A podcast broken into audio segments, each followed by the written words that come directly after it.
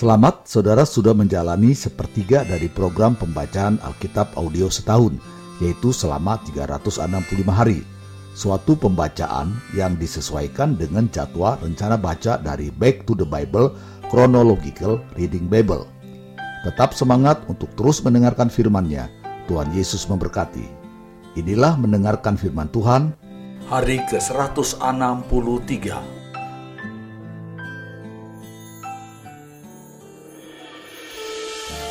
Satu Raja-Raja pasal 7 ayat 1 sampai 12. Istana Salomo. Salomo mendirikan istananya sampai 13 tahun lamanya. Barulah selesai seluruh istananya itu. Ia mendirikan gedung hutan Libanon 100 hasta panjangnya dan 50 hasta lebarnya dan 30 hasta tingginya. Disangga oleh tiga jajar tiang kayu aras dengan ganja kayu aras di atas tiang itu. Gedung itu ditutup dari atas dengan langit-langit kayu aras. Di atas balok-balok melintang yang disangga oleh tiang-tiang itu, 45 jumlahnya, yakni 15 sejajar. Ada pula tiga jajar jendela berbidai, jendela berhadapan dengan jendela, tiga kali.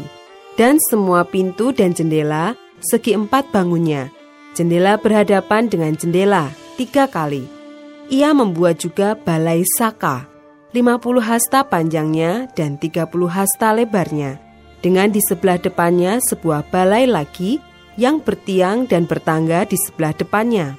Dibuatnya juga balai singgah sana, tempat ia memutuskan hukum. Balai pengadilan yang ditutupi dengan kayu aras dari lantai sampai ke balok langit-langit. Dan gedung kediamannya sendiri di pelataran yang lain, lebih ke sebelah dalam lagi dari balai itu, adalah sama buatannya. Dan bagi anak Firaun yang diambil Salomo menjadi istrinya, dibuatnya juga sebuah gedung sama dengan balai itu. Tembok dari semuanya ini dibuat dari batu yang mahal-mahal, yang sesuai dengan ukuran batu pahat, digergaji dengan gergaji dari sebelah dalam dan dari sebelah luar, dari dasar sampai ke atas, dan juga dari tembok luar sampai kepada tembok pelataran besar. Bahkan dasar gedung-gedung itu dari batu yang mahal-mahal, batu yang besar-besar, batu yang sepuluh hasta dan batu yang delapan hasta. Di bagian atas ada batu yang mahal-mahal, berukuran batu pahat dan kayu aras juga. Sekeliling pelataran besar ada tembok dari tiga jajar batu pahat dan satu jajar balok kayu aras. Demikian juga sekeliling pelataran dalam rumah Tuhan dan balainya.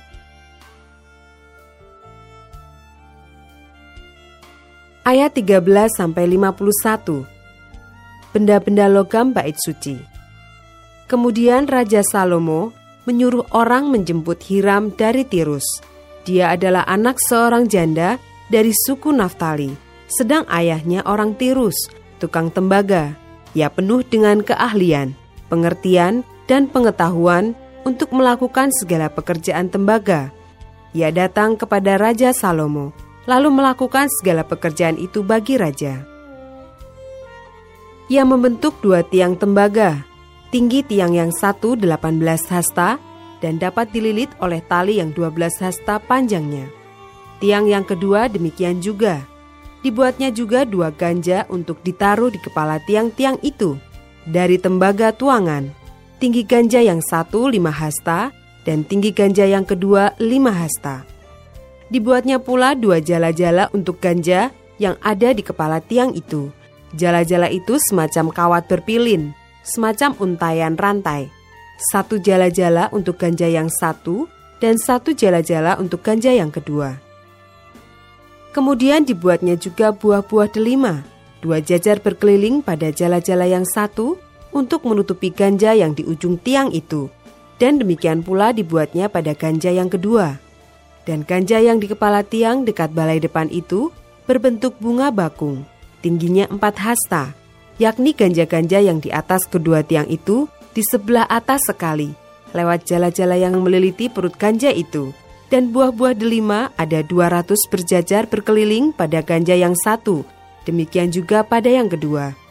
Kemudian tiang-tiang itu didirikannya dekat balai ruang besar. Ketika ia mendirikan tiang kanan, ia menamainya Yakin. Ketika ia mendirikan tiang kiri, ia menamainya Boas.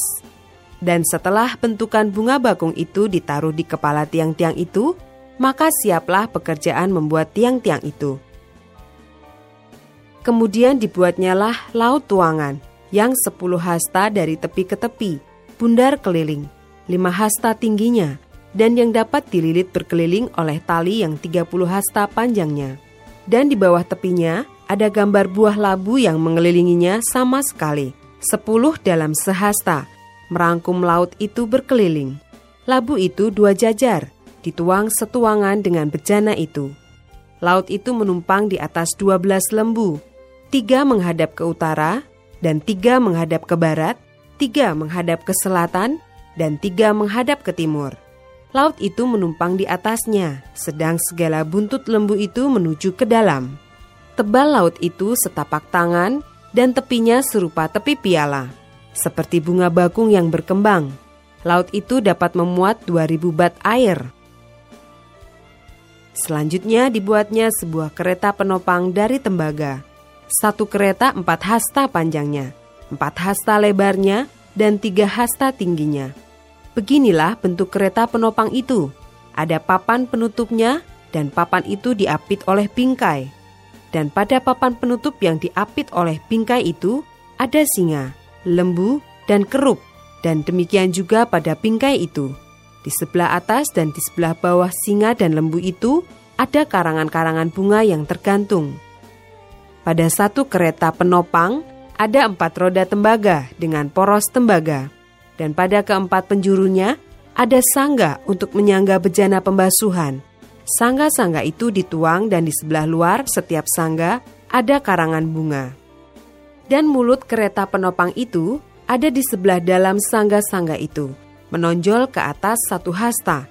Mulutnya itu bundar, buatannya sebagai tumpuan, dan dalamnya satu setengah hasta. Juga pada mulutnya itu ada ukiran, tetapi papan-papan penutupnya empat persegi, jadi tidak bundar. Keempat roda itu ada di bawah papan penutup, dan tangan-tangan roda itu ada pada kereta penopang itu. Dan tinggi satu roda ialah satu setengah hasta. Dan buatan roda itu seperti buatan roda kereta, tetapi tangan-tangannya, lingkarnya, jari-jarinya, dan napnya semuanya tuangan. Keempat sangga pada keempat sudut setiap kereta penopang adalah seiras dengan kereta itu. Dan di sebelah atas kereta penopang itu ada leher bundar berkeliling, setengah hasta tingginya. Di sebelah atas kereta itu ada pula topang-topang dan papan penutup yang seiras dengan dia. Maka pada muka topang-topangnya itu dan pada papan-papan penutupnya diukirkannya lah keruk, singa, dan pohon korma, masing-masing menurut tempat yang ada dan karangan bunga sekeliling. Demikianlah dikerjakannya ke sepuluh kereta penopang itu, tuangannya sama, ukurannya sama, dan potongannya sama semuanya.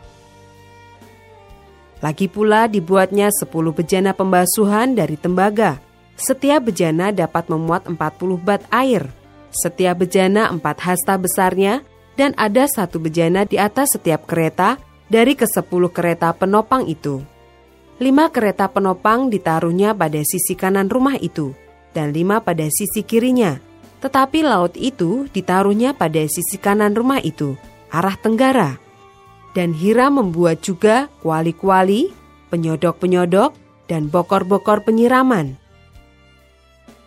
Demikianlah Hira menyelesaikan segala pekerjaan yang harus dilakukannya bagi Raja Salomo di rumah Tuhan, yakni kedua tiang dengan kedua bulatan ganja yang di kepala tiang itu, dan kedua jala-jala yang menutup kedua bulatan ganja itu, keempat ratus buah delima untuk kedua jala-jala itu, dua jajar buah delima untuk satu jala-jala, guna menutupi kedua bulatan ganja yang di atas tiang itu, ke sepuluh kereta penopang, dan ke sepuluh bejana pembasuhan yang di atas kereta itu. Laut yang satu itu dan kedua belas lembu yang ada di bawah laut itu, kuali-kuali, penyodok-penyodok, dan bokor-bokor penyiraman, segala perlengkapan yang dibuat Hiram bagi Raja Salomo di rumah Tuhan itu, adalah dari tembaga yang diupam. Raja menuang semuanya itu di lembah Yordan, di dalam tanah liat antara Sukot dan Sartan. dan Salomo membiarkan segala perlengkapan itu tidak ditimbang, karena jumlahnya yang amat besar. Berat tembaga itu tidaklah terhitung. Salomo membuat juga segala perlengkapan yang ada di rumah Tuhan, yakni mesbah emas dan meja emas tempat menaruh roti sajian. Kandil-kandil dari emas murni, lima di sebelah kanan dan lima di sebelah kiri, di depan ruang belakang. Kembang-kembangnya, lampu-lampunya dan sepit-sepitnya dari emas. Pasu-pasunya, pisau-pisaunya, bokor-bokor penyiramannya, cawan-cawannya, dan perbaraan-perbaraannya dari emas murni engsel-engsel untuk pintu ruang dalam, yakni tempat maha kudus, dan engsel-engsel untuk pintu ruang besar bait suci dari emas. Maka genaplah segala pekerjaan yang dilakukan Salomo di rumah Tuhan itu. Kemudian Salomo memasukkan barang-barang kudus Daud, ayahnya, dan menaruh perak, emas, dan barang-barang itu dalam perbendaharaan rumah Tuhan. 2 Tawari pasal 4 ayat 1 sampai 22. Lalu ia membuat mesbah tembaga yang 20 hasta panjangnya dan 20 hasta lebarnya dan 10 hasta tingginya. Kemudian dibuatnyalah laut tuangan yang 10 hasta dari tepi ke tepi, bundar keliling 5 hasta tingginya dan yang dapat dililit berkeliling oleh tali yang 30 hasta panjangnya. Di sebelah bawah tepinya ada gambar lembu-lembu yang mengelilinginya sama sekali, sepuluh dalam sehasta. Merangkum laut itu berkeliling, lembu itu dua jajar, dituang setuangan dengan bejana itu. Laut itu menumpang di atas dua belas lembu, tiga menghadap ke utara, dan tiga menghadap ke barat, tiga menghadap ke selatan, dan tiga menghadap ke timur. Laut itu menumpang di atasnya, sedang segala buntut lembu itu menuju ke dalam. Tebal laut itu setapak tangan, dan tepinya serupa tepi piala, seperti bunga bakung yang berkembang. Laut itu dapat memuat 3000 bat air. Lagi pula, dibuatnya 10 bejana pembasuhan, dan ditaruhnya lima pada sisi kanan dan lima pada sisi kiri sebagai tempat pembasuhan. Di situ orang membasuh apa yang diperlukan untuk korban bakaran. Sedang laut itu adalah untuk para imam sebagai tempat membasuh. Ia membuat sepuluh kandil emas sesuai dengan rancangannya dan menaruhnya di dalam bait suci, lima di sebelah kanan dan lima di sebelah kiri. Selanjutnya, ia membuat sepuluh meja dan menempatkannya di dalam bait suci, lima di sebelah kanan dan lima di sebelah kiri. Ia membuat pula seratus bokor penyiraman dari emas. Ia membuat juga pelataran para imam, halaman besar dan pintu-pintu halaman itu Pintu-pintu itu dilapisinya dengan tembaga. Laut itu ditaruhnya pada sisi kanan, arah tenggara. Dan Huram membuat juga kuali-kuali, penyodok-penyodok, dan bokor-bokor penyiraman.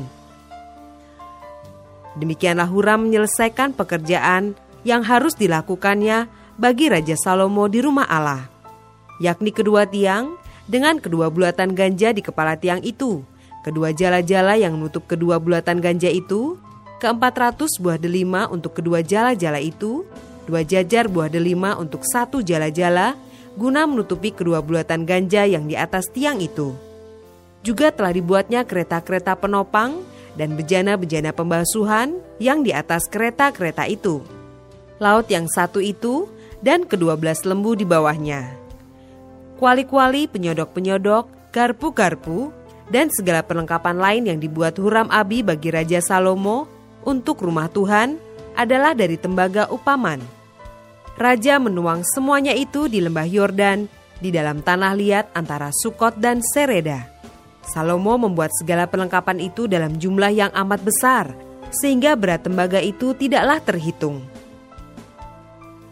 Salomo membuat juga segala perlengkapan yang ada di rumah Allah, yakni mesbah dan meja-meja tempat menaruh roti sajian lagi pula kandil-kandil dari emas murni dengan pelita-pelitanya untuk dinyalakan di depan ruang belakang sesuai dengan peraturan.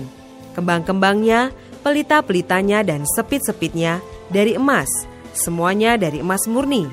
Pisau-pisaunya, bokor-bokor penyiramannya, cawan-cawannya, dan perbaraan-perbaraannya dari emas murni. Juga pintu masuk rumah itu dan pintu-pintu yang di sebelah dalam ke tempat maha kudus dan pintu-pintu ke ruang besar bait suci, semuanya dari emas. Tetap semangat, teruskanlah mendengarkan firman Tuhan. Sampai jumpa esok hari.